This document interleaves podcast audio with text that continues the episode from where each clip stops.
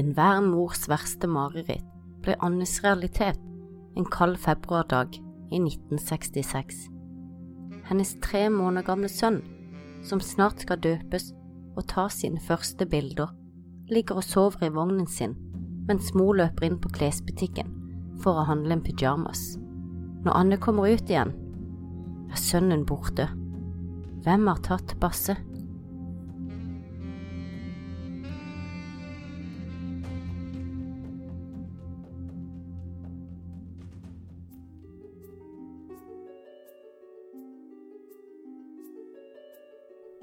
Deg godt til rette med noe godt i koppen, og bli med inn i mystikk og mysteriers verden.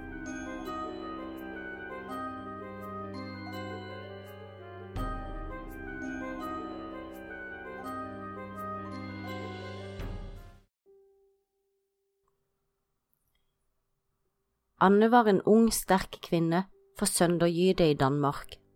I november 1965 fødte hun sønnen Basse. Kort tid etter fødselen flyttet hun og sønnen til Odense.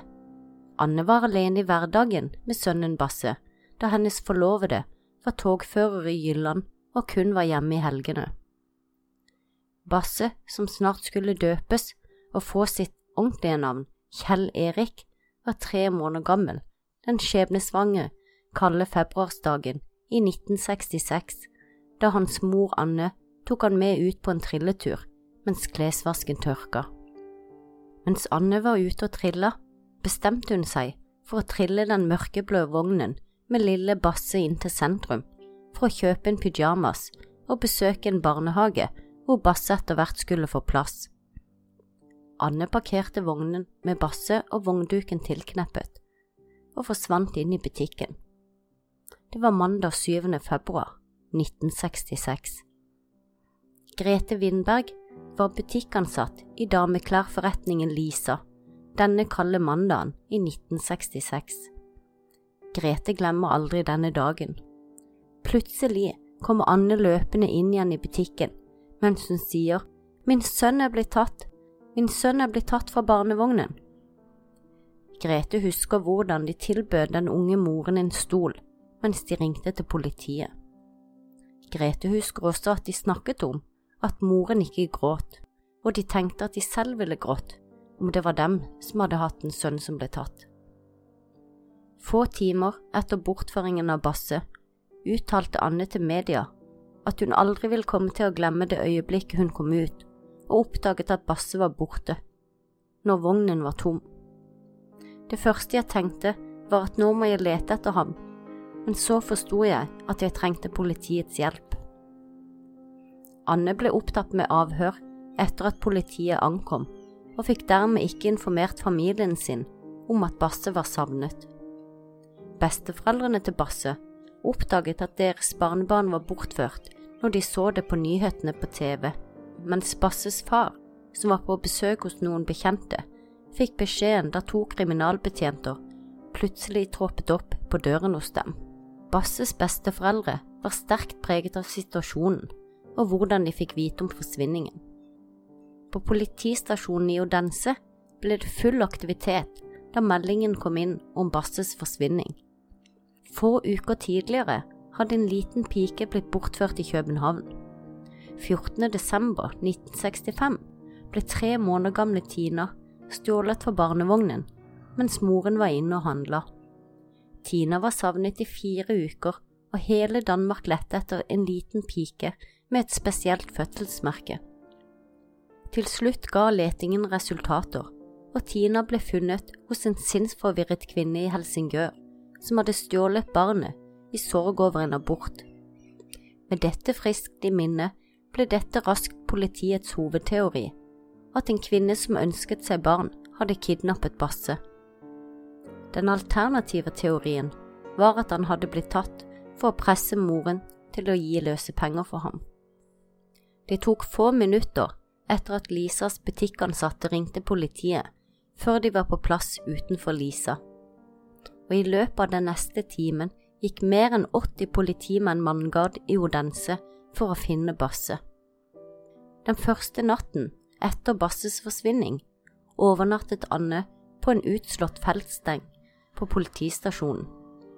Hun ville være så nærme politiet som mulig, i tilfelle noen plutselig fant hennes sønn, slik som de hadde gjort med Tina. Det som gjorde saken ekstra vanskelig, var at Anne ikke hadde noen bilder av sønnen sin. Planen var at han skulle ta sine første bilder når han ble døpt, som bare var noen uker fram i tid. Basse hadde heller ingen fødselsmerker eller andre særegne kjennetegn. Tinas foreldre hadde bilde av Tina, og i tillegg hadde de et fødselsmerke som gjorde det lettere for publikum å identifisere henne. Basses mor fortalte at han hadde lange øyevipper, men ellers ingen spesielle kjennetegn. Basse ble ikke funnet den første natten, og i dag, 52 år senere, er Basse fremdeles ikke funnet. Denne kalde februardagen i 1966 ble alle daværende kriminalbetjenter kalt inn.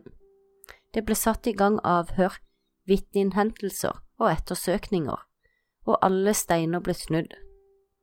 Ettersom tiden gikk, utvidet søkefeltet seg til byens parker og kirkegårder. Av erfaring visste man at en sinnsforvirret person kunne forlate et barn på et slikt sted. Siden politiet ikke hadde noe bilde av Basse eller andre kjennetegn, delte politiet ut løpesedler med guttens signalementer, i håp om at publikum skulle kjenne ham igjen. På løpeseddelen kunne man lese at Basse var 60 til 63 cm lang og veide 6,2 kilo. Ansiktet hans var rundt, med tynt lyseblondt hår og blå øyne. Da han forsvant, hadde han på seg en blå ytterdrakt med høtter og føtter og en ribbestrikket kant. På dressens forside var det et påtrykk av en hvit kanin med spisse ører. Politiet opplyste også på løpeseddelen at Basse fremdeles var et brystbarn, og at det var viktig at han hver fjerde time fikk en blanding av to deler vann og en del melk med litt sukker i, som var datidens svar på morsmelkerstatning. Noen dager etter forsvinningen fikk politiet fornyet håp. En barnevogn med et barn i ble stående foran politistasjonen i flere timer, og ingen visste hvem barnet eller moren var. Basses mor ble bedt av politiet om å titte ned i barnevognen for å se om det var hennes sønn som lå der. Dessverre så var det ikke Basse. Barnet tilhørte en annen kvinne som var i avhør hos politiet i forbindelse med en annen sak. Politiet kom ikke videre etter dette. Verken løpesedler, avisartikler eller politiet leting ga spor. Det beste sporet politiet fikk, var to yngre piker som fortalte at de hadde sett en kvinne ta Basse opp av barnevognen, men etter flere dagers avhør viste det seg å ikke holde. Pikene hadde sett en kvinne ta et barn ut av en barnevogn, men det var på et helt annet tidspunkt og i en helt annen gate. Ingen kunne med sikkerhet si at de hadde sett Basse bli tatt ut av barnevognen, og ingen vitner hadde sett en mistenkelig person gå rundt med en baby. Ingen andre enn Basses mor hadde sett ham siden søndag ettermiddag, dagen før han forsvant. Åtte måneder etter Basses forsvinning innrømmet en kvinne fra Aalborg til politiet at hun hadde bortført gutten og kastet ham i Odense å. Men kvinnens tilståelse var falsk, kom det fram i etterforskningen, noe hun også etter hvert innrømmet selv. Åtte år etter forsvinningen fortalte en mann om en gutt som het Basse, og som visstnok skulle bo i Malmö, men heller ikke dette sporet førte til noe. I starten av forsvinningen var det enorm sympati rettet mot Basses mor. Hun mottok stabler med brev, bamser og klær fra folk som følte med henne. Flere ganger appellerte Anne via mediene til kidnapperne hvor hun ba dem om å gi henne Basse tilbake, at de kunne avlevere ham hvor de ville, også i hennes leilighet. Og jeg skal ikke si hvem dere er, sa hun ofte til media. En direktør fra København utlovet en dusør på 100 danske kroner i håp om at Basse skulle komme hjem igjen til sin mor. To uker etter forsvinningen, uttalte Anne følgende til media. Hvis Basse aldri kommer tilbake, så er det da blitt min byrde. Jeg vil likevel være takknemlig for de månedene jeg hadde min deilige gutt. Jeg er lykkelig for å ha født ham og ha passet på ham. Det var flere som reagerte på morens oppførsel og måten hun forholdt seg til hele situasjonen. Noen mente at hun viste for lite følelser og gråt for lite, og etter en stund vendte all sympatien mot henne til at folk mente hun måtte ha drept Basse. Så voldsom var sladderen at politiet måtte ha en ekstraordinær pressekonferanse hvor de informerte om at moren ikke var mistenkt i saken. Politiets sterkeste bevis for at moren var uskyldig, kom fra eieren av butikken Lisa, Holger Nilsen. Han hadde nemlig stukket handa ned i barnevognen kort tid etter at moren hadde oppdaget at Basse var borte. Holger sverget på at sengetøyet var lunket, og dette fikk stor betydning for saken, for det betydde at barnet måtte ha ligget i vognen. Flere av journalistene som hadde intervjuet Anne, var overbevist om at moren var uskyldig. De mente ryktene oppsto fordi Anne på tross av tragedien virket for oppegående. Men Anne var en sterk og tøff kvinne som han ikke kunne velte så lett. Men så klart var hun sterkt preget av sønnens forsvinning. Basse ble aldri funnet, og ingen vet om han lever den dag i dag eller hva som skjedde med han. Men Basse er ikke glemt. På politistasjonen i Odense står enda Basses barnevogn, omtrent slik sånn som den var når politiet konfiskerte den for 52 år siden. Politiet har også et museum hvor blant annet Basses sengetøy er utstilt. Kusinen til Basses mor uttaler at hun stadig vekk tenker på Basse, spesielt når hun selv har fått både barn og barnebarn. Hun var 15 år gammel den gang Basse forsvant, og det har preget henne. Aldri skulle hennes barn eller barnebarn settes alene i en barnevogn utenfor noe som helst sted uten tilsyn. Basses mor Anne bor i dag et annet sted på Fyn. Hun fikk etter hvert en ny mann og har i dag to voksne døtre. Hun har skiftet navn og lever et annet liv, og hun ønsker ikke å prate mer om saken. Mange tror at Basse ble kidnappet av en barnløs kvinne som har oppdratt ham som sin egen, og mener sannsynligheten er stor for at han lever den dag i dag, uten selv å ane at han en gang ble kidnappet.